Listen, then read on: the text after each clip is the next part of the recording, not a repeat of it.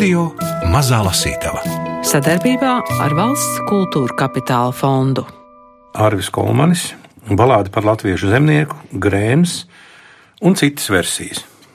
Jā, bet es tikko Latvijas avīzē izlasīju Jūlijas Dibauskas rakstīto, ka 1995. gadā Arvis Kolmans debitē latviešu izprozā ar krājumu Greniāna jeb ceturtā versija, izdod apgāds Daugava, un Guntis Berelis to nosauc par vienu no spožākajām debijām līdzās Jāņa Enfelda un Nora Sikstens pirmajām stāstu grāmatām. Un diezgan loģiski ir jautājums, kas ir grēns. Uz to ļoti grūti atbildēt. Nu, Grēns pats ir teicis, kad Dievs bija pabeidzis radīt gliemezi, viņš teica, es tevi radīju kā visjēdzīgāko mūdzi pasaulē tālam, lai katrs tavā bezjēdzīgumā saskatītu to jēgu, ko nesmu ielicis tevī. Pierādiet man, ka Dievam nav taisnība. Grēnas. Un tomēr kas ir grēns? Grēns varētu būt tāds antipods parastam latviešu pilsonim kurš klejo pa pasauli ar savu biedru, filozofē un mūžīgi šaubās par visu, ko. Balāde par latviešu zemnieku. Las tur ko nenopļaut, Antāns noteica, izgāja no kūts, pastiepās pirkstgalos, izstiep rokas pret debesīm un ar pilnu krūti ieelpoja spirkto rīta gaisu. Tikko bija uzlēkusi saule. Jēkabiņš paskrēja garām, vicinādams stību dzina kāzas ganībās, kājas basas. Ei, jēkabiņi! Antāns uzsauc: Tev nesalst kājas? Puišels apstājās, nosmolētais ģīmis atplauks smaidā. Nē, viņš novilka. Māma teica, basām kājām skriet ir veselīgi. Tad es vairs neklepošot. Gribi uztaisīšu stabuli? Antāns piedāvāja. Gribu, sacīja Jēkabiņš un ieklapojās, bet nav laika, jāstrādā, jāgana kazas. Man jau arī nav laika, sacīja Antāns, jāiet pļaut. Nu tad vēlāk, ko? Jā, Atkliedz Jākabiņš, vēlreiz ieklapojās un prom bija ar visām kazām. Labi gan, Antāns izdevesa, skatīdamies zilajās debesīs un vēlreiz izstaipīdamies. Viņš aizgāja uz kalpu galu un pa atvērto logu ielūkojās istabā. Ilze locīja palagus, Zāne sēdēja pie galda un šuva. Lai darbs sokas, sacīja Antāns. Ko tu gribi? Ilze noprasīja. Jēkabviņš skraida basām kājām pa augsto rasu un klepo, sacīja Antāns. Bet vispār es gribēju parunāt ar Zani. Ilzi izēlūdz ārā. Zana nosarka.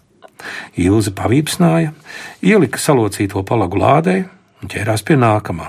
Man, Antāna, jāloka palagi, viņa teica. Runājies mierīgi, ko tādu var pateikt, ko es nebūtu dzirdējusi. Bet Jēkabviņš rūdās, tad neslimos. Bet viņš stipri klepo, Antāns sacīja, vajadzētu dakteri liec mierā manu bērnu, iegādājies savējo, tad ārstē.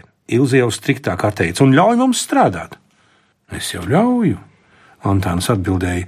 Es tik pāris vārdus zanītēju pirms ķerties pie darba. Viņš vēl nav pie darba ķēries, Ilzi iesaucās. To Antāna ar kaulaino spēlējies. Saimniece ilgi viss necietīs, tu zini, kas tad būs. Kas tā par modi vazāties apkārt, kad citi strādā? Antāns nopūtās. Ja ilze sāka muldēt, muldēja par deviņiem mēmiem, un mēli viņai bija asa.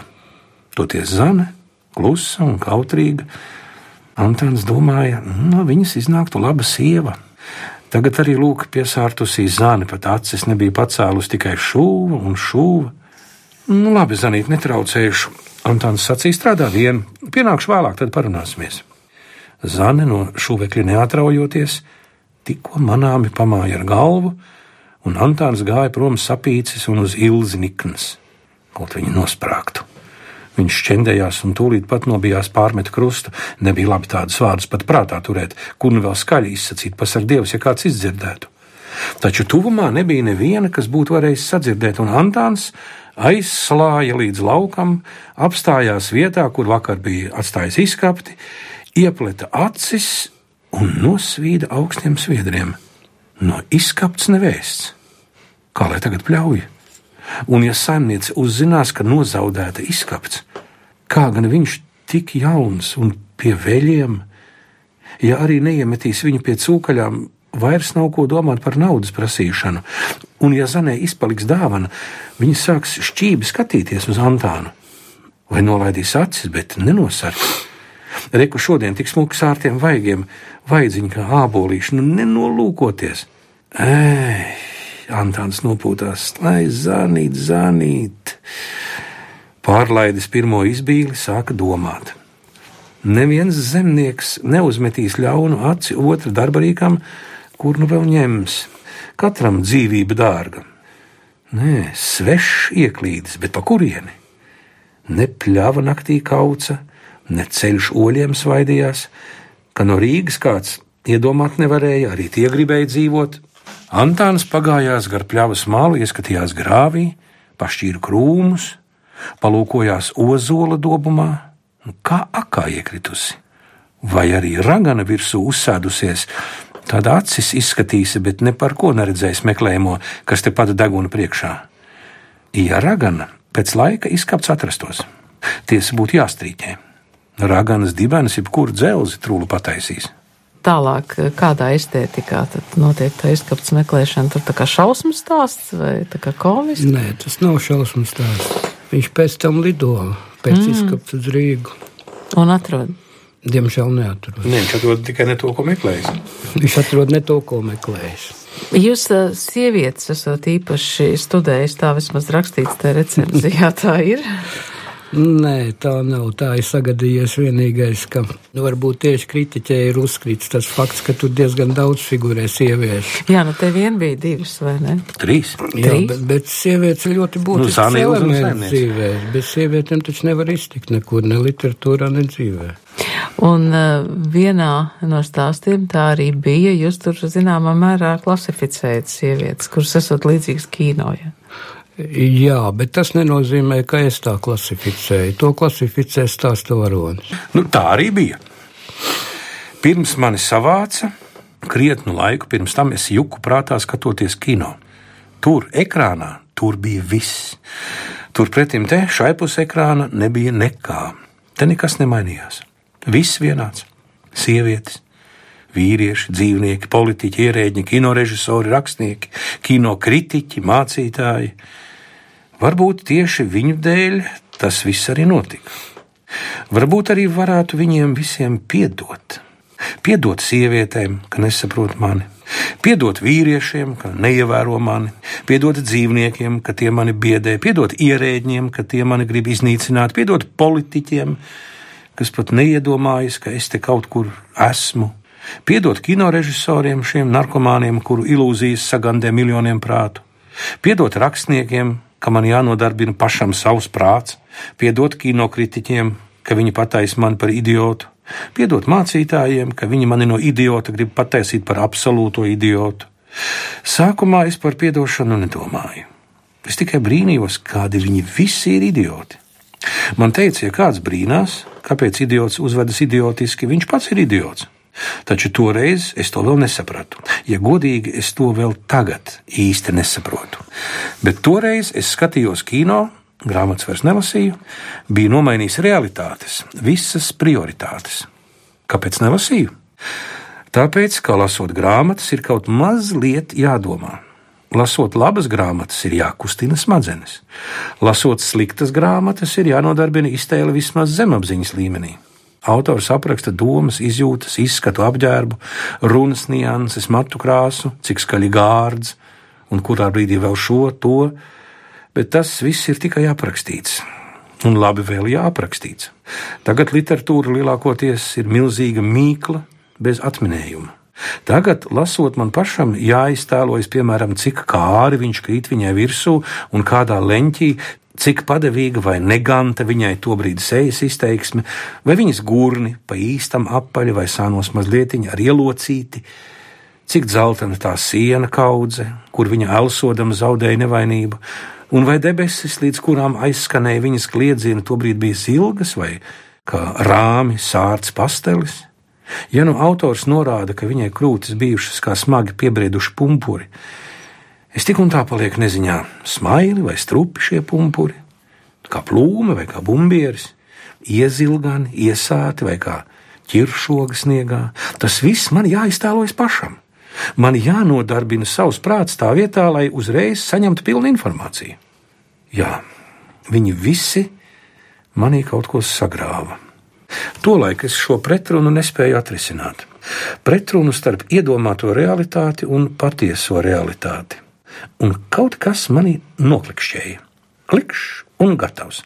Es laikam esmu vājš cilvēks, jo padevos, ļāvos saindēties. Manī kaut kas bija nogalināts. Laikam sajūta, ka es zinu, kas ir labs un kas ir slikts. Šo sajūtu manī iznīcināja. Tagad es saprotu, ka patiešām esmu bijis idiots. Toreiz es vēl to nezināju. Un diezgan viegli mainīju realitātes vai prioritātes, vienalga. Es pametu kino un pievērsos sievietēm. Ja es nebūtu pievērsies sievietēm, ja būtu pievērsies mācītājiem, ja, nu jā, nu, tomēr no kino es netiku vaļā līdz pašām beigām. Ja labi padomās, sievietes tā pati kinofilma vien ir. Viņās var skatīties bezgalīgi, ja neapnīk. Viņas spēja aizraut tāpat kā trilleris. Viņas tevi smīdina labāk kā komēdijas. Ja viņas raud, jā, tad viņas raud gandrīz tāpat kā melodrāmās. Gandrīz, jo raudoša sieviete ekrānā atšķiras no reālas raudošas sievietes. Ekrānā sievietes raudāšana aizkustina vairāk. Katrā filmā katra sieviete rauda citādi, un es spēju just līdzi. Es spēju just līdzi viņām visām, visās filmās, jo, un tas ir pats galvenais, es spēju saprast to sievieti, kas raud filmā. Turpretī es nesaprotu sievieti, kas raud man blakus. Vai arī saprotu nepareizi, pavisam citādi nekā gribētu viņa. Kaut arī man bijušas tikai trīs tādas sievietes, nu, kas raudājušas man blakus. Un vēl kāds salīdzinājums. Kad pirmo reizi satiecies ar neiepazītu sievieti, pārņem tādas pat trīsas, kā sēžot kinozālē, kad nodziest gaismu un ekrāns atdzīvojas. Tev vēl nav ne mazākās nojausmas, kādā pasaulē nokļūsi, kādi atklājumi un pārsteigumi tevi sagaida, un tu nezini, kāds būs fināls. Vienīgā atšķirība, ja nepatīk filma, tu to vari neskatīties. Tu vari aiziet jebkurā brīdī, vai nospiest podziņu uz pults, un nekas nenotiks. Nu, ja nu vienīgi sabojāsies garstāvoklis uz īsu brīdi. Taču, ja tev nepatīk sieviete, vai arī, ja tu apjēdz, ka nepatīc viņai, tu apjēdz tikai pēc ilgāka laika, ka tev īstenībā viņa ir riebies. Tāpat kā pēc ilgāka laika tu beidzot apjēdz, ka tu viņai jau esi noriebies līdz pēdējiem. Saspiestā laika un nesaspiežamā laika problēma.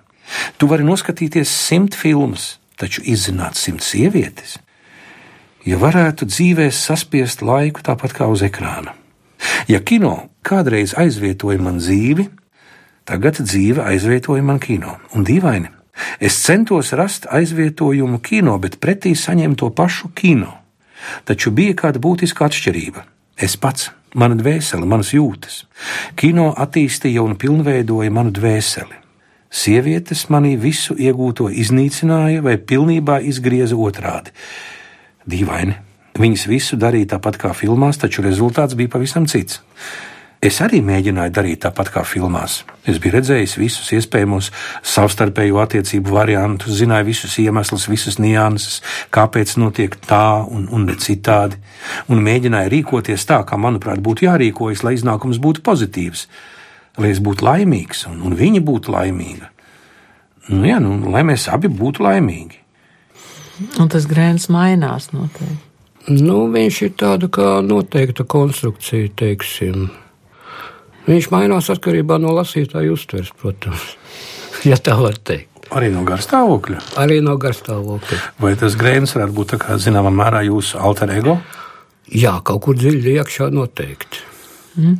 Es iedomājos, ja jūsu grēns sastaptos ar Māra Bērziņu, Gutenu Morganu, tā būtu laba kompānija. No tā. Jā, viņi kaut kur savā ziņā ļoti līdzīgi ir.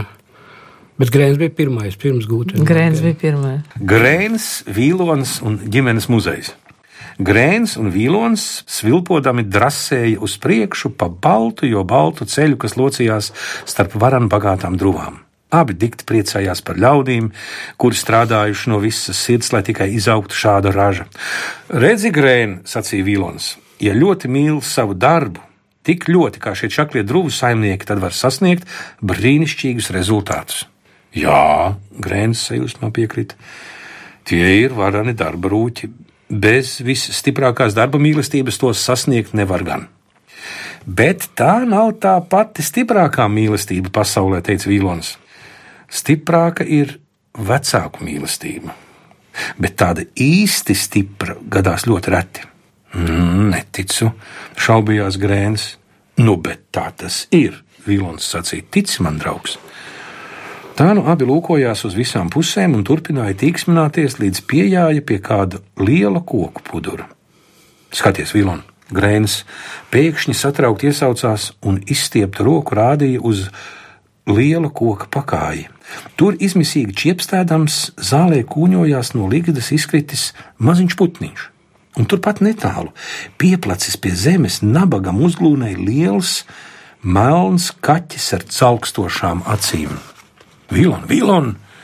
Grēns pa galam satraucies vērsās pie biedra. Jāsteidzas palīgā, var notikt nelaime! Viņš jau gatavojās cirst zirgam papēžu sānos un drāsties, lai aizdzītu ļaundari, bet drauga stingrā roka viņu pieturēja.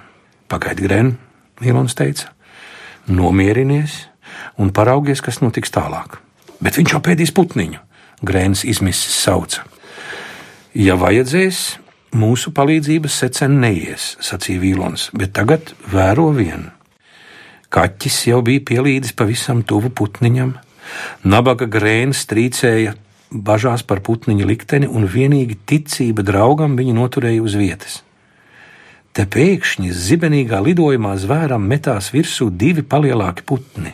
Nikni čiepstot un cik spēka ar knābiem knābājot, tie tik varonīgi cīnījās, ka ļaunais uzbrucējs neizturēja un aizbēga. Viņi to uzvarēja, sauca Grēns, un priekā smējās Vīla, un viņi uzvarēja. Nu, tu redzi, ka vecāku mīlestība spēj visu, sacīja Vīlons, arī apmierināts par šādu iznākumu. Dārgais draugs, tā ir spēcīgākā un nesautīgākā mīlestība pasaulē. Vienīgi žēl, ka tik reta. Vai tiešām tik reta? Grēns vēl šaubījās. Vīlons vien tēvišķi paskatījās uz neticīgo draugu. Tad viņš norāpās no zirga, pacēla mazo putniņu, uzkāpa atpakaļ zirgā pastiepās un novietoja izglābtu atpakaļ līgstā. Nu, abi jāja visai pacilāti un drīz iejāja kādā pilsētā. Pēc gara ceļa vajadzēja apmierināt izsalkumu, un tie sameklēja ēstuvi. Sēdēdami ēdnīcā starp laimīgiem, jautriem ļaudīm un garšīgi ēzdami, viņi pēkšņi uzlūkoja kādu vīru. Tas nebija tāds kā citi, un negribīgi čakarēja ar dakšiņu kotleti, nemaz nēda un izskatījās drūms un nelaimīgs. Draugi saskatījās, un Vīlons uzrunāja sadrūvējušos. Skumjies cilvēks! Nāc piesēdi pie mums un pasaki, kādēļ tu knaksties ap tik garšīgu ēdienu un nebaudi to. Vīrs negribīgi pacēla galvu, tad nopūtās, paņēma savus traukus un apsēdās pie grēna un vīlona. Nu, kas tev kaiš? Grēns līdzjūtīgi noprasīja. Nu, ja izstāstīs mums, tad atvieglosies sirds, piebilda vīlons. Man ir slikti, tāpēc esmu nelaimīgs, sacīja vīrs. Bet kāpēc? atkal prasīja grēns. Ai, labi cilvēki, sacīja vīrs. Nemaz negribu runāt, tā viss ir riebjas. Es pats pie visa esmu vainīgs es esmu pataisījis nelaimīgus divus man vismīļākos cilvēkus. Vai man vai, viņš izsaucās, un izmisumā uzsita ar dūri pa galdu un sakņupa. Vīlons uzmundrinoši pieskārās vīra plecam. Saņem sev rokās draugs. Viņš maigi sacīja: Raudas laime nenes. Stāsti mums, stāsti, un tev kļūs vieglāk. Un varbūt mēs varēsim sniegt arī kādu palīdzību. Vīram cerīgi iemirdzējās acis, un viņš saņēma sevi rokās. Es jūtu, ka ticu jums, viņš sacīja, bet vai jūs neņirksiet par mani? Nekaunies, draugs, Grēns teica. Labi, vīrs sacīja, bet tad man jāstāsta no paša sākuma. Nu, protams, Vīlons teica, mēs gribam zināt visus cēloņus. Nu, tad es sākšu, sacīja vīrs, un jau taisījās sākt runāt, kad pēkšņi pārdomāja. Nē, nē, zināt, laipnie svešinieki runāt, es tomēr runāju slikti, toties rakstu mazliet labāk. Es jums nolasīšu. Tu esi to pat uzrakstījis, prasīja Grēns. Nu jā, teica vīrs, jo precīzi vārds vārdā ir grūti atcerēties. Nu, tad dod šurp, Vilons sacīja. Mēs izlasīsim, ko tu dzēsēji smuti, labāk ēd. Nē, nē, pretojās vīrs. Tad zudīs emocijas. Un lasīt es varu pavisam labi, vēl labāk nekā rakstīt. Vispār tev taisnība, teica Vilons. Ja lasīsim mēs, var pazust nianses. Nu tad lasi tu. Vīrs izvilka no kabatas apdriskātas papīra lapas un sāka lasīt. Viņš tiešām lasīja dziļi, izjusti, un lūk, ko viņš lasīja. Ko lasīja viņš? Par to tālāk Arvija Kalmaņa grāmatā Balāde par latviešu zemnieku Grēns un citas versijas, izdevusi dienas grāmata. Bet studijā stāstu fragmentus lasīja Gundars Āboliņš, ar autoru Arvi Kolmani sarunājās Ingvilda Strautmane. Rakstniekam gan ir kāda būtiska piebilde par viņa stāstu sākumu un nobeigumu, bet Grēnam gan esot pielikts punkts. Es gribēju piebilst par tiem stāstiem. Apmēram puse stāstu tajā grāmatā ir tādi, ja izlasa sākumu, tad vienalga nevar zināt, kas notiek beigās, un beigas parasti ir diezgan krasi atšķirās no tās sākuma intonācijas. Pat man ir grūti iedomāties, ka es gribētu lasīt stāstu, ko es izlasot pirmās rindas, jau zinu, kas beigās notiks. Tā kā mēs varam būt gatavi uz pārsteigumiem, jā, lasot. Jā, ja kādu stāstu sāk lasīt, viņu vajadzētu līdz beigām izlasīt. Un tad arī tās smadzenes jākustina un jādomā. Un dažos stāstos jākustina smadzenes, jā.